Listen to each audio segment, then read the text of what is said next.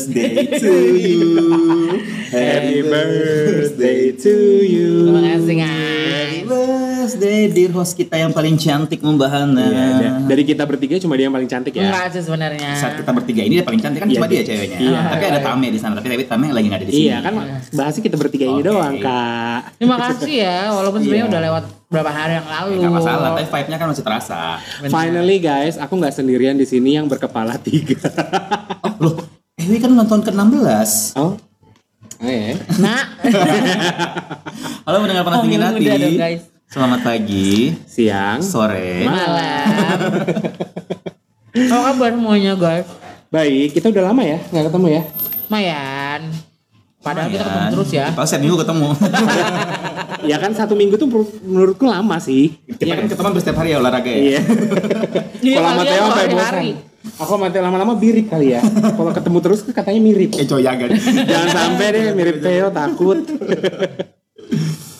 Gimana Bunda eh, kabar ininya eh, janinnya? Alhamdulillah kayak udah jalan 6 bulan ya. Udah mulai nendang-nendang dong. Alhamdulillah udah bisa bisa diajak ngobrol. Oh ya Allah. Udah bisa udah bisa futsal. Udah bisa salto. Kayaknya minggu depan kita ajak podcast bareng kali ya. Jadi bintang tamu. boleh, boleh. Aduh pokoknya setelah kita bahas kemarin yang rumor-rumor masalah selebrasi nggak penting itu penyambutan yang baru keluar dari penjara. Udah ya lama kan? banget sih sebenarnya. Oh. Sekarang lagi booming-booming banget nih yang rumor-rumornya perlu kita ungkit Iya. seru dan Rumor apa lagi sih? main TikTok nggak sih? Enggak seberapa sih jujur li ya. Kita kayaknya Jujur. perlu promosiin nih. Oh iya, kita udah punya TikTok kita- loh. Iya. Jadi buat para listener yang main TikTok bisa langsung ke @panasdinginhati ya. Mm-mm. Di situ ada Ada- quote-quote, ada suara-suara merdu, ada Suara-suara manja. suara-suara manja Cerita-cerita dari eh, para teman-teman PDH. Benar. Suara bahkan yang nyanyi itu teman-teman PDH juga. Iya, betul. Dan background-background yang kita pilih itu di sekitaran area Balikpapan, Jakarta, benar Jakarta dan yang suka apa? Makassar. Makassar, Jakarta, Balikpapan. Yang menyegarkan mata kita gitu Pokoknya kan. di mana tim-tim PDH berdiri. Dan Oke. oh ya balik lagi ke TikTok ya TikTok itu sekarang bukan sekarang sih minggu lalu tuh lagi booming soal ada TikToker namanya Ali Hamzah. Oke. Jadi intinya adalah dia itu lagi dibicarakan gara-gara dia em, kas, apa, intinya itu seperti menganggap remeh soal yang namanya mental illness. Illness. Nah, emang dia tuh TikTokersnya isinya ngapain sih sebenarnya dia tuh ngapain Random, sih? random intinya dia Random, jadi dia tuh kayak. React something gitu. Bisa meriak, bisa nge-stitch, bisa pokoknya sesu- segala sesuatu hal Kak, yang maaf lagi. Kak, boleh nanya Stitch itu apa ya? Mohon maaf, makanya Bunda download dan Ya Allah, lakukan itu. maaf ya. Bikin konten dong Jadi Bunda. gini, dia itu udah bikin satu konten. Iya. Intinya itu adalah dia mengomentari seseorang yang profil Instagramnya itu mengandung Ini kayaknya masuk FYPTO sih, kalau aku enggak sih. me- Karena ah, di aku isinya joget-joget. ya Allah joget-joget. India ya. Iya.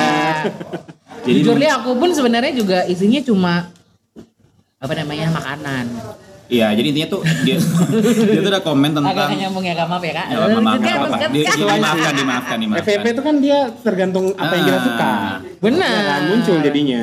Pokoknya berhubungan dengan profile picture Mhm. yang lambang itu semikolon. Tahu semikolon gak sih kayak logo tentang Titik koma. Titik koma, ya. Oh titik koma. titik koma tentang mental illness dan lain-lain gitu gitulah terus ya udah jadi intinya gara-gara videonya di kalau kalian penasaran kalian ke TikTok aja langsung ke Ali Hamzahnya lihat itu banyak banget para tiktokers lain yang nge-stitch apa tuh Iya. nge-stitch jadi nge-stitch itu kayak menduetkan ngebahas Oh, itu Iya. namanya Stitch. Hmm. Jadi kalau misalnya kakak posting, terus nanti ada orang yang ngebahas postingan Iya. kakak, di postingannya dia itu namanya nge-stitch. Oh, Oke, Yes. oke. Gitu. yes yes seperti itu tapi kalau kita bahas soal Ali Hamzah basi kali ya Sudah Iya, basi kalau- kita bahas Ali Ali, Hamzahnya Karena dia udah terlalu sering sih. Dan aku rasa sih kita nggak perlu ngasih dia panggung ya. Nggak usah.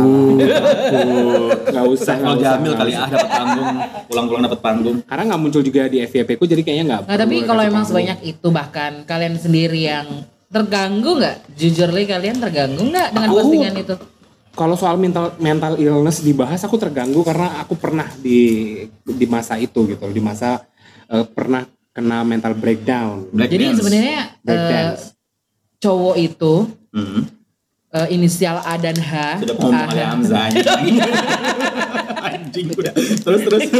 apa namanya dia tuh sebenarnya ngomongin mental illness tapi nggak yang kayak respect or something kayak bikin Hmm. Teo nih yang tahu coba ceritain ya Teh gimana sih Udah tadi, udah tadi. Enggak, maksudnya dia tidak- seperti itu. tidak respect sama satu kasus ya Iya, intinya seperti itu. makanya banyak di stitch orang Hmm, padahal kalau dipikir-pikir sambil ngunyah nggak apa ya.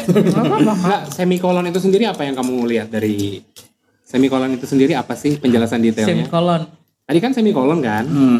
Ya. Itu brand ini, brand parfum. itu kayaknya tempat nongkrong juga sih di balik papan. Jadi intinya semikolon itu adalah Iya ada oh iya iya benar-benar Sumpah, bahasa gimana? Indonesia nya di Gunung Sari. Oh, kafe, Indonesianya. kafe. Iya, ada kafe titik koma makanya beliau Iya. Nah, intinya tuh ya jangan-jangan. kandang nah, intinya itu adalah simbol tentang orang Mhm. yang mengidap mental illness atau penyakit mental dan pernah berpikir untuk Bunuh diri. suicide, oke tapi tidak jadi. Oke. Jadi katanya kalau ada orang nah, dia Tato. punya tato semikolon, Atau anything sign lah. anything sign semikolon berarti dia pernah ada di masa mental breakdown dan sempat berpikir untuk suicide. tapi udah kayak udah Tapi enggak, enggak jadi. Dia jadi itu Dia lebih survive. survive itu lebih Oke. kayak simbol pertahanan Oh, survive. jadi titik koma Gitu. itu sendiri kayak mau titik tapi nggak jadi Tapi nggak koma jadi, gitu yes. kan. Jadinya koma. oh jadi baik lanjut. jeda gitu Sejeda. secara secara singkatnya seperti itu.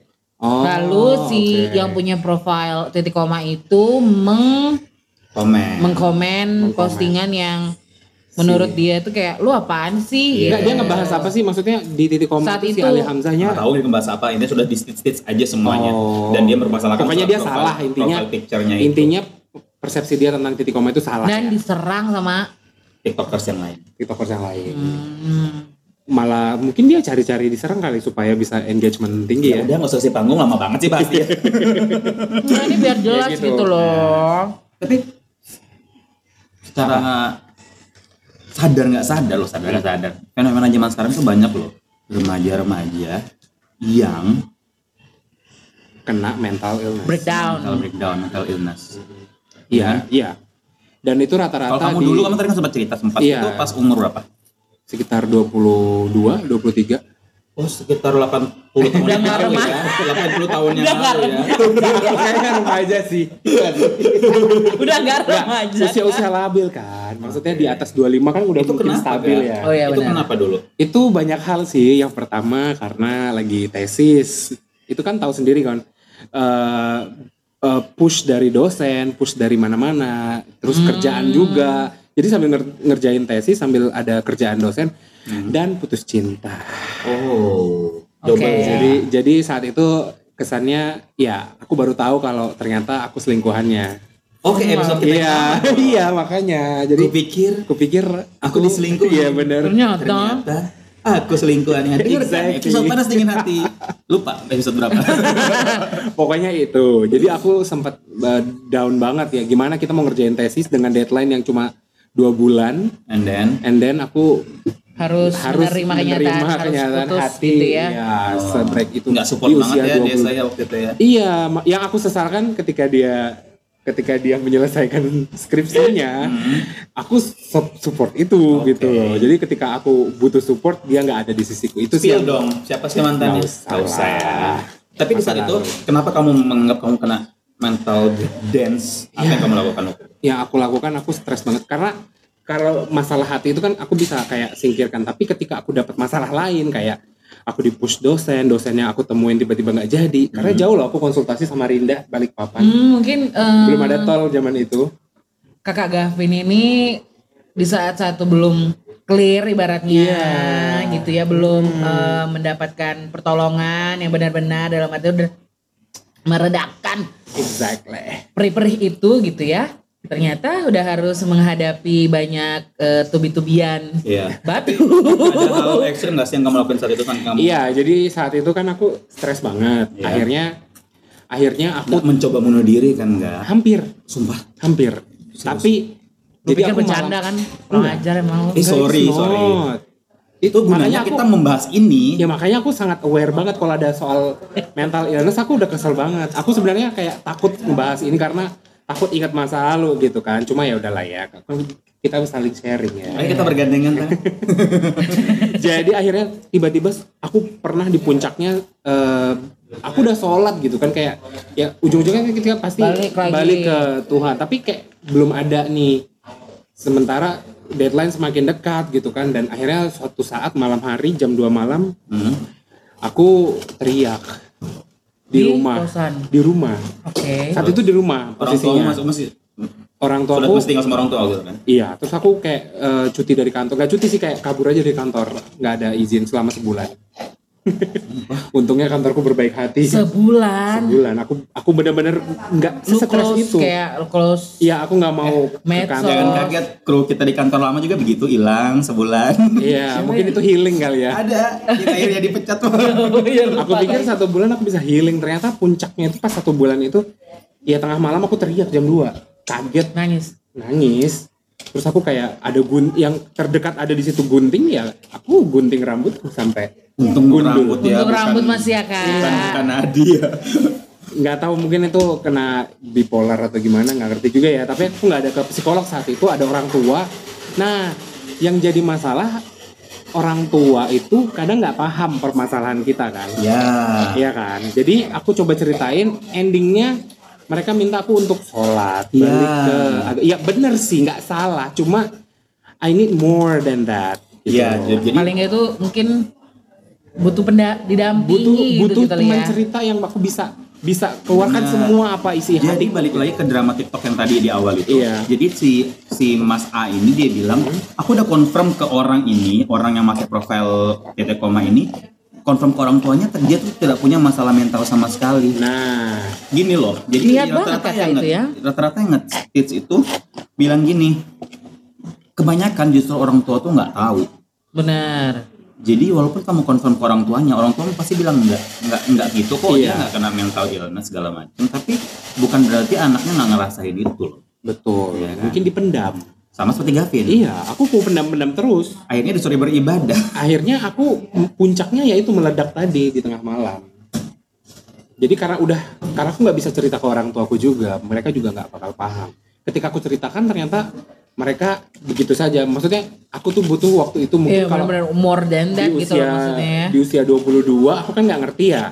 Kalau sekarang di usia 10 tahun. Oh,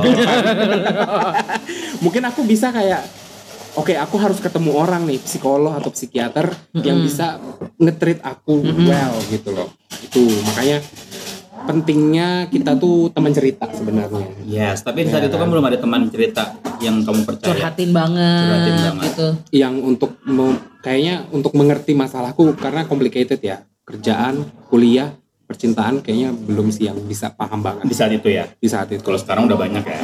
kalau sekarang Eh udah ada satu deh di luar kota sana ya. Iya, amin ya. Amin sampai pelaminan ya kak. amin Amin. Amin Kalau loh. kamu Wi, ada nggak? Apa ya? Mental breakdown. mental Ya, breakdown Di zaman kamu remaja dulu, zaman kamu 18 ta- apa 25 tahun yang lalu. Ba- tetap aku yang paling tua ya. Tadi aku 80 tahun loh. Ewi 25 tahun yang lalu loh. Paling soal hati-hati aja sih. Maksudnya kayak pacaran, putus cinta, Oh, lebih yang kayak gitu. Tapi apa pernah melakukan hal ekstrim nggak? Bukan ke jam jangan situ dulu. Oke. Putus cinta maksudnya dalam artian apa? Maksudnya kamu memang cuma memang segampang itu kayak putus cinta pasti mental Nggak, itu breakdown lebih atau- sebenarnya lebih yang eh, yang benar-benar kayak ngerasa mental breakdown banget itu. Aku menganggap dia adalah cinta pertamaku kayaknya. Oh, cinta pertama ternyata. Hmm, dan ya nggak bisa bareng gitu kan. Mhm. Karena Satu- jauh Oke. terus aku diputusin oh. terus habis itu dulu masih zamannya Facebook masih baru-baru status everywhere anytime gitu Iya. kan Pokoknya Terus semua orang harus tahu. Mm-mm, dan dia tuh dan dia bilang aku pikir kamu dewasa gitu Oh. terus kayak eh, lagu set song aja tuh nggak cukup gitu ya buat Iya. menemani hari-hari jadi akhirnya sempet kayak coba minum eh, beberapa obat secara langsung Sumpah? bersamaan Obat apa kak? Obat tidur. Enggak, Atau obat mabok? Dalkogen gitu-gitu doang sih. Oh, Ya, obat pokoknya pusing. anything yang ada yang ada Obat sakit ini kepala. aja. Oke. Sakit Aduh. kepala, paracetamol. Kamu minum semua. Semua Efeknya? sih. Efeknya? Enggak ada. Nggak tidur juga. Enggak tidur juga. Eh, by the way, bicara masalah Oke. obat-obatan dan putus cinta, aku pernah loh sama temanku sendiri Gak usah di spill namanya siapa, pokoknya ada sekitar 2000 Maksudnya kamu dan temanmu. teman Kamu dan temanku. Jadi Kamu dan temanmu berdua. Ya, intinya gini, tahun 2016 itu ada temanku teman dekatku, dia itu lagi bucin-bucinnya lah sama Oke. somebody. Oke. Terus ya sama kayak Ewi kayak putus cinta dengan drama-drama. Putus maksudnya kalau masalah putus cinta klise lah ya. Cuma masalah drama-drama di balik putus cinta itu sendiri biasanya yang bikin Iya. bikin ob mental jadi semakin Ya, biasanya faktor lain di luar putus cinta Yes. itu yang jadi trigger. dia tuh waktu waktu itu dia ngekos dia tuh dia tuh memang aku udah tahu dia memang lagi stres dan lagi di saat itu dia lagi di- dikeluarkan dari kantor dia sudah nggak kerja terus Iya. dengan Oke. pacarnya juga seperti itu. Oke. dan dia waktu itu kondisinya lagi nggak kurang fit lalala dan punya sakit gitu gitu lalala dan aku udah mulai curiga nih kok tumben anaknya nggak ada kabar? Tumben anaknya nggak ada kabar. Biasa tuh kayak yuk kamu di mana? Hari ini ke mana? Pulang kerja ke mana? Lalala ini nggak ada kan? And then pas Inisiatif lah Anda. Nah inisiatif dia tuh ngomong gini, dia tuh ada WA, dia tuh ada WA gini intinya, tiba-tiba dia nggak WA gini, ya aku udah nggak bisa lagi deh. Maksudnya? Ya udah. Ya itu kan, jadinya- dia cuma kayak gitu kayak. Jadinya kita tuh kayaknya aku udah nggak merasa bisa, nggak bisa gimana-gimana. lagi deh, gitu lah. Kayaknya kalau kita, kayaknya aku udah nggak bisa lagi deh, dia gituin. Ya udah bikin inisiatif dong.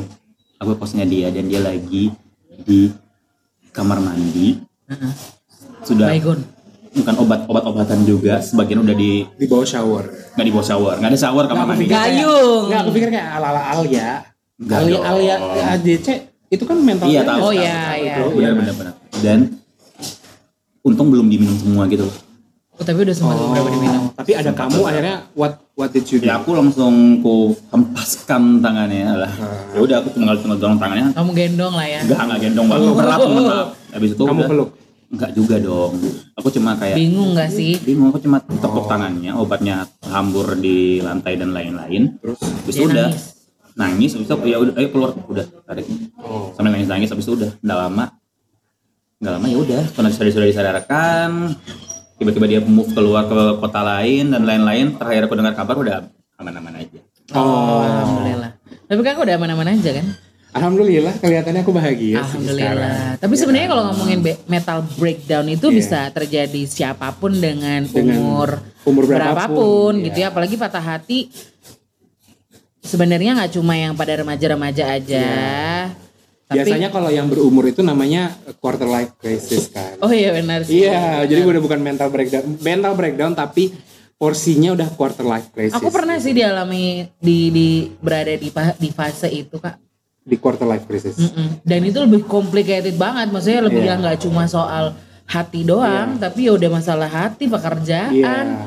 Dan itu udah ngaruh, itu, hmm, benar. ngaruh banget kan kakak dulu di tesis kan. Kalau aku Iya. dulu waktu itu eh, apa namanya lebih ke ide, ide yang di mana kita bekerja dituntut untuk eh, mencari ide yang fresh terus Iya. Selalu setiap hari.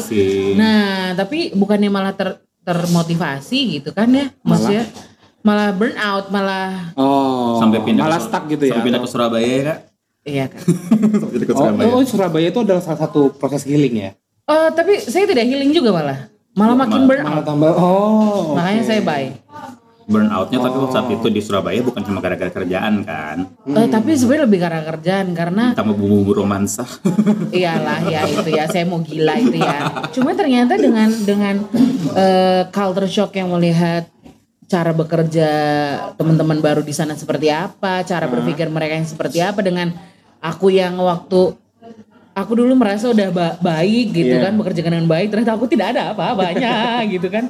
Dan itu malah makin burn out gitu ba- banget dan aku ngerasa kayak aku kayak udah ngecewain yang udah rekrut aku deh kayaknya mending aku tapi udah baik aja tapi deh. itu kayak ngelupain masalah yang sempat ada nggak? Maksudnya moving tapi tetap jadi masalah juga sih gitu. Ya aku tuh malah berpikir kayak kayaknya orang ini salah deh udah nganuin aku gitu.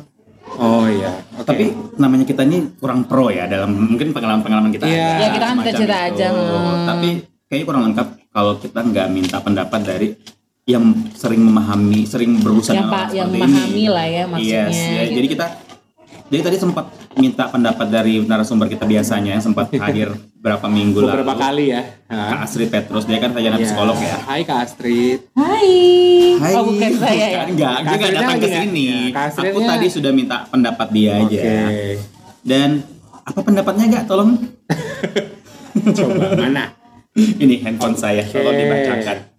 Jadi Kak Astrid tuh bilang kalau mental illness itu real dan manifestasinya di tiap orang tuh berbeda. Oke. Those who struggles with mental illness looks normal on the others on the outside. Yet they carry the illness daily and silently burdening them day after day. Jadi dia tuh bilang bahwa orang-orang yang struggle, struggling di mental illness itu luarnya tuh lu- kelihatan biasa aja, tapi di dalam gitu. Di dalam tuh rata-rata ini membebani mereka setiap harinya. Jadi kayak mungkin dipendam-pendam gitu ya.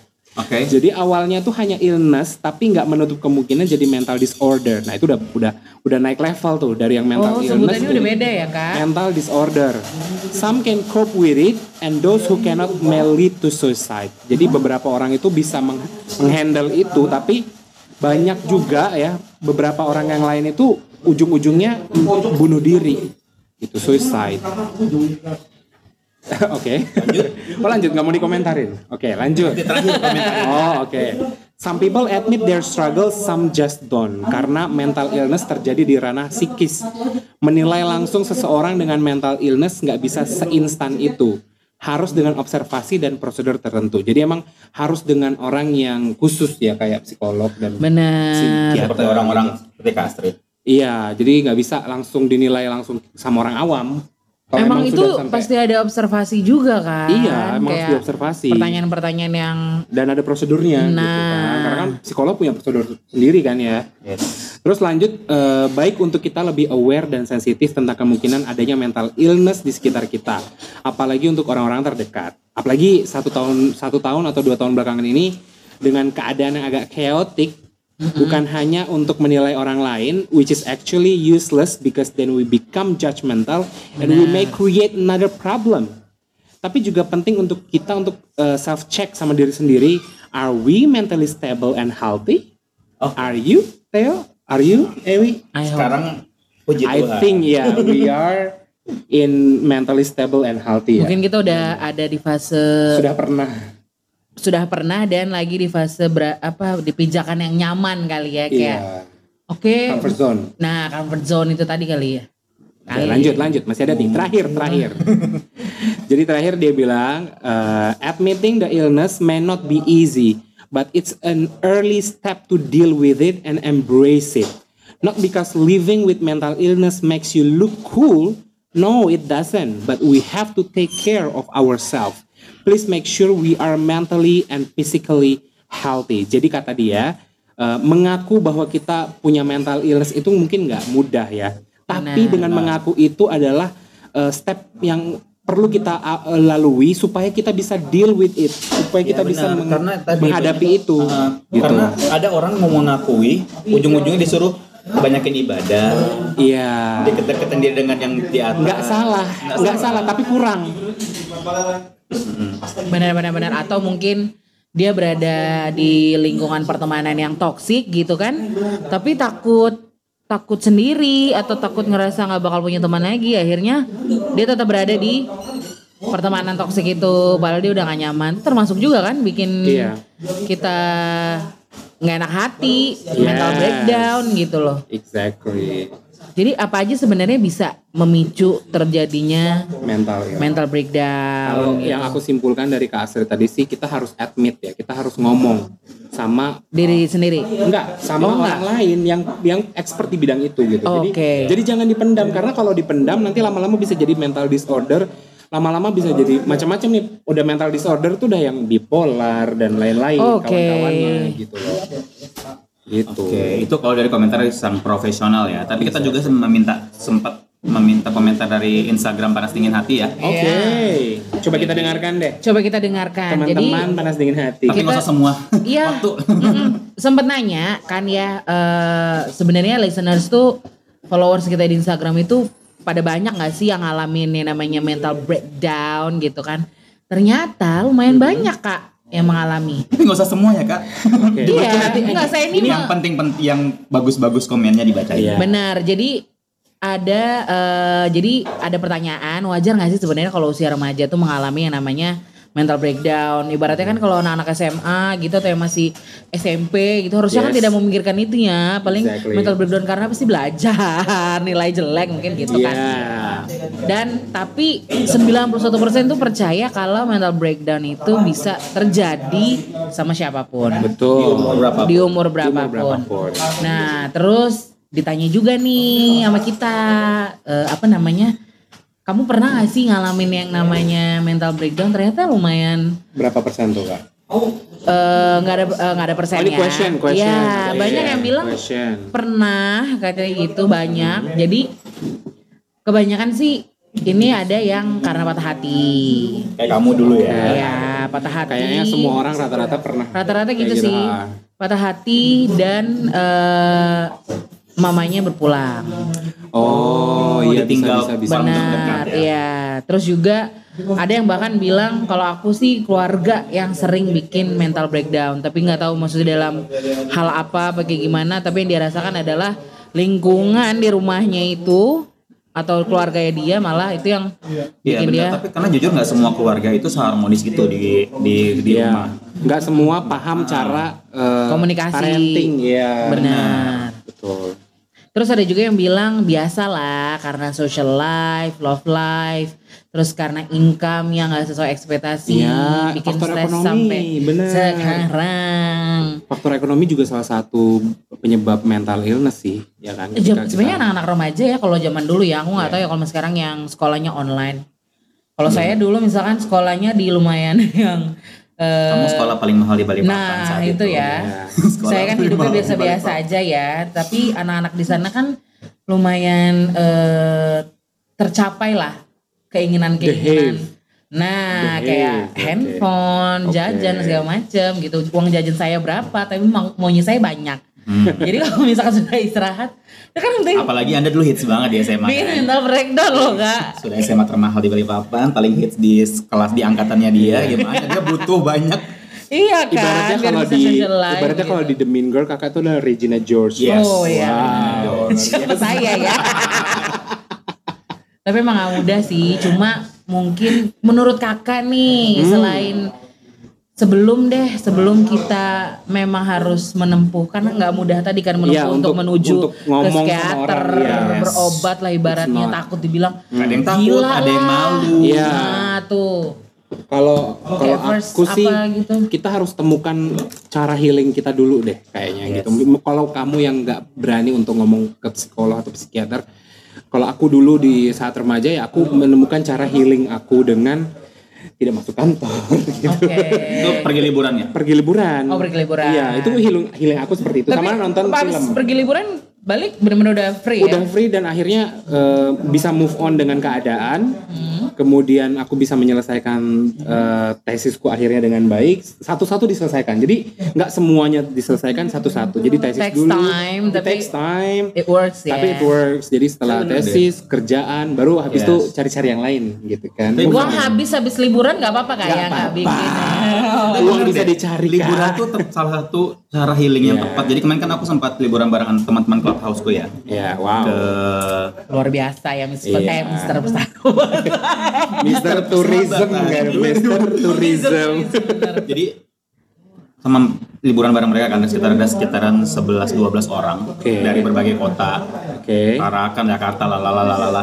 Ter- Dan dua di antaranya ternyata dan dia mengaku dia lagi healing. Oke. Kalau yang satu temanku jadi aku tahu dia tuh punya masalah percintaan yang lumayan. Ah. Dramanya Oke. dan akhirnya break up. Iya. Dan dia memutuskan untuk ikut liburan dan healing. Ah. Satu lagi ada. Jadi aku kan ikut open trip ya. Iya. Namanya open trip. Ada temen, ada juga yang baru kenal di sana. Hmm. Oke. Jadi pas di sana itu ada satu cewek, nggak usah di spill namanya, dia itu kelihatan banget lagi healing. Kenapa? Yang ada kita yang lain itu pada ngumpul, pada have fun. Dia itu kayak berusaha untuk menikmati momen pada saat itu. Hmm, oke. Yang lain tarik foto-foto dia lagi sendirian Oke. diliatin Jadi pantai. benar-benar ya lagi enjoy the moment banget ya saat itu dia. antara enjoy the moment atau berusaha Iya. untuk enjoy the moment. Terus yang lain pada dinner bareng kan, Mm-hmm. dia maunya di kamar. stay di kamar aja Oh, sampai sampai apa tour guide kita tuh sampai kenapa ada apa sebenarnya Lalu, oh enggak enggak, enggak apa aja menurut Nana kita Maksudnya habis ini kan lagi lagi fun, lagi dan itu bener-bener hampir selama empat hari tanpa empat hari itu. Iya. Sampai pulang pun masih kayak gitu jadi aku pikir kayaknya nggak nggak ini cara Iya. healingnya dia tuh nggak berhasil mungkin ya Oh, gitu. liburan itu menurut aku Tapi at the end gimana? Dia happy atau masih sedih? ya kayak gitu juga. Ya, gitu juga Oh. Eh by the way, tadi kan eh, kita udah bahas aku sama Ewi nih soal mental breakdown. Hmm. Theo sendiri aku aman-aman aja nggak Oh, pernah selama aman banget selama 95 tahun hidup di dunia. Ini. gila, anjing, anjing. Nggak sih, Nggak pernah mengalami eh, yang ekstrim-ekstrim kayak kalian sih. Cuma paling cuma stres-stres. Nggak. Kayaknya Theo fun banget soal hidupnya ya. Iyalah. Banyak temen kamu ya soalnya. Jadi kayak Iya. mau cerita sama siapa aja bisa ya. Nggak gitu juga. Aku cerita sama Yogi doang, paling nangis-nangis di rumahnya dia sampai mamanya. Tapi nangis. kayaknya- nangis ya. Temput. Masalah Karena percintaan juga. Iya. Oh jadi emang karena cinta itu Nangis bareng kak. Nangis bareng. Titik ter- terlow dalam hidupmu kapan? Titik terlow. Iya. The lowest point. Di saat ada, di saat aku harus meninggalkan pekerjaan yang sangat aku sangat sangat cintai Iya. Ah. dengan alasan yang ternyata alasan itu Tidak ada. Tidak ada.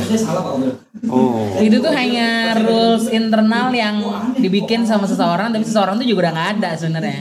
Oh gitu. Iya kan? Iya, kasarnya seperti itu. Jadi aku waktu itu harus pindah kota Iya. dengan alasan untuk menghandle sesuatu di sana di tempat aku lahir di. Manado sana. Oh salah berarti saya. Ah, hampir benar. Oh, hampir benar. Tapi ternyata hal tersebut itu nggak ada. Yang penting poinnya adalah yang penting aku pindah Oh. dan aku harus meninggalkan pekerjaan yang benar-benar aku sangat teramat sangat cintai. Oke. Dan posisinya juga udah enak ya waktu itu ya, walaupun gajinya biasa nggak enak ya. Ya, tapi Iya. kalau sudah senang Iya. kan ya whatever gaji ya. Iya. Oh, itu gitu. sih. Tapi aku tuh nggak mungkin karena aku ya itu aja ya faktor punya banyak teman. Jadi aku nggak Banyak sampai kegiatan. banyak kegiatan. Jadi kayak di saat stres seperti itu, bahkan itu kan aku lagi di Manado tuh. Heeh. Temanku sedikit, tapi teman di belakangku masih ada aku sering telepon Ewi, sering ada itu orang. ngaruh banget sih. Heeh. Paling Jadi tuh, terdistract ya. Dan aku nyari teman juga di sana. Oh, oke. paling nggak sih kak, ketika misalkan kita ada teman cerita aja dulu sebelum kita memang eh apa memutuskan untuk ke psikiater atau yang profesional. Itu membantu sih apalagi Betul. makanya aku tuh sangat berterima kasih sama sahabat-sahabatku kayak Tamara, Mm. Theo di saat dulu aku tuh bener-bener yang galau hampir tiap hari yang diceritain adalah itu itu itu aja dan mereka tuh bener-bener kayak Alhamdulillah tidak yang kayak lu nggak ada cerita lain apa kayak itu mulu Iya. itu mulu kenapa mesti harus diingetin lagi kayak gitu lagi Exactly. tapi karena memang di saat kita lagi breakdown itulah yang kita tuh nggak bisa keluar dari itu gitu loh That's that's why that's what best friends are for. Ya. Ya. Na na na. Na na na. Aku lupa liriknya. Sama aku juga Itu lupa lagu liriknya. apa kita gak Mohon maaf kita roaming. Ya seperti itulah ya. ya, tapi aku juga pengen ingetin sih Apa? eh, apalagi kita sekarang media sosial ya media sosial social media. itu sangat berpengaruh banget buat Iya. kehidupan kita saat ini dalam itu untuk kayak kesehatan mental kita Iya. ya. Nah itu juga dipilih-pilih kalau misalkan memang sekiranya ini mengganggu pikiran-pikiran kita udah diblok aja, not interest, Atau yang kayak mungkin gitu. puasa sosmed. Pernah Iya detox, Pernah detox. Atau detox? Pernah. Pernah. Enggak pernah. Aku belum pernah sih. nggak bisa lebih tepatnya bagian Iya. bidang pekerjaan saya usaha Ya saya biasanya gitu pengen, Tidak tapi nggak bisa karena pekerjaan. Iya. ya terus yang itu tadi jangan urus kalau bisa jangan dipendam terus karena Betul. bisa intinya intinya jangan dipendam ya. mengerikan oke seperti itu Soalnya kalau dipendam bisa meledak nanti nanti. Kalaupun memang misalnya kamu, kita, kalian di sekitarnya ada yang punya apa kita merasa kayak ada something yang happen gitu Iya. sama keluarga kita mungkin atau teman-teman kita paling nggak coba walaupun ngerasa aku bisa apa paling nggak Iya. ada apa paling nggak coba ajak Iya. ajak apalah gitu atau komen aja di Instagram panas dingin hati DM Eh, kita ya Asik. ya enggak sih Masuk. kita bisa kan Kita Masuk bisa, bisa. kita bisa sharing bareng kita Pengen ngobrol nih sama kakak-kakak. Boleh. boleh, Boleh, mau boleh. anonim yes kita bakal keep kita bakal keep Iya. sekit-kitnya kita senang untuk cerita kok Iya. atau kamu mau ngajak kita ngopi bareng langsung ngobrol kalau di gitu Balikpapan Boleh. is oke Iya, kalau yang di Jakarta Balikpapan Balikpapan Makassar Bali Oke, mungkin curhat from Bali. kita ada di cabang Jakarta dan cabang Makassar ya. Oh iya benar. Iya kan, kalau mau cerita kita sangat welcome. Untuk lebih lengkapnya follow aja Instagram kita ya di @panasdinginhati Iya, dan jangan lupa TikTok kita juga. Yes. Yes. kita menasingin hati dan jangan lupa dengerin kita terus di Spotify. Apple Podcast. Dan Dan RCTI Plus. Yeay. Baiklah. Baiklah. Saya Gavin. Theo. Ewi. Bye. Bye.